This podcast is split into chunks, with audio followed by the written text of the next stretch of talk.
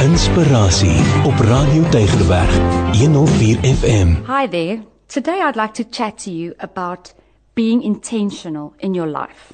You know, there's a proverb, 12, verse 25, that says, Anxiety weighs down the heart, but a kind word cheers it up. When we learn to read the Bible in context, it can change your life forever. You know that word, kind word? It translates to a carefully chosen word. When we choose our words carefully, we really make a difference in the world to other people, but even to yourself. I want to ask you today, what does your self-talk sound like? Do you build yourself up or do you break yourself down? And what does your talk sound like to other people? Do you build them up or do you break them down? You see, if we intentionally set out to encourage people and ourselves with our words, life could be so different in all of our relationships. You know, when you see somebody that's vulnerable or needy, it costs you nothing to say a kind word. Even more so, what about a God word? You know, in today's rushed world, we have so many of these handy cliches ready to give to people. But the Word of God says that we should be purposeful when it comes to building up people with words.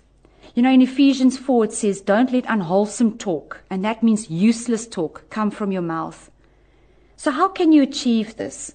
It's by making your words count and by counting your words. To think of others the way that God would think of them, and to learn to listen. You know, we imitate Jesus when we really listen to people.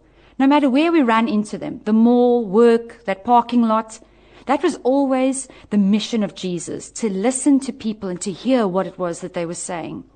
You know, he would travel and he preached and he saw a lot of people, but they were never a to-do list for him. They were always his focus. The kind of focus that's born from an intimacy with God, being in his presence, then his focus and his passion becomes your focus and your passion. So my question to you today is, how can you be intentional, especially with regards to your words, to yourself as well as other people?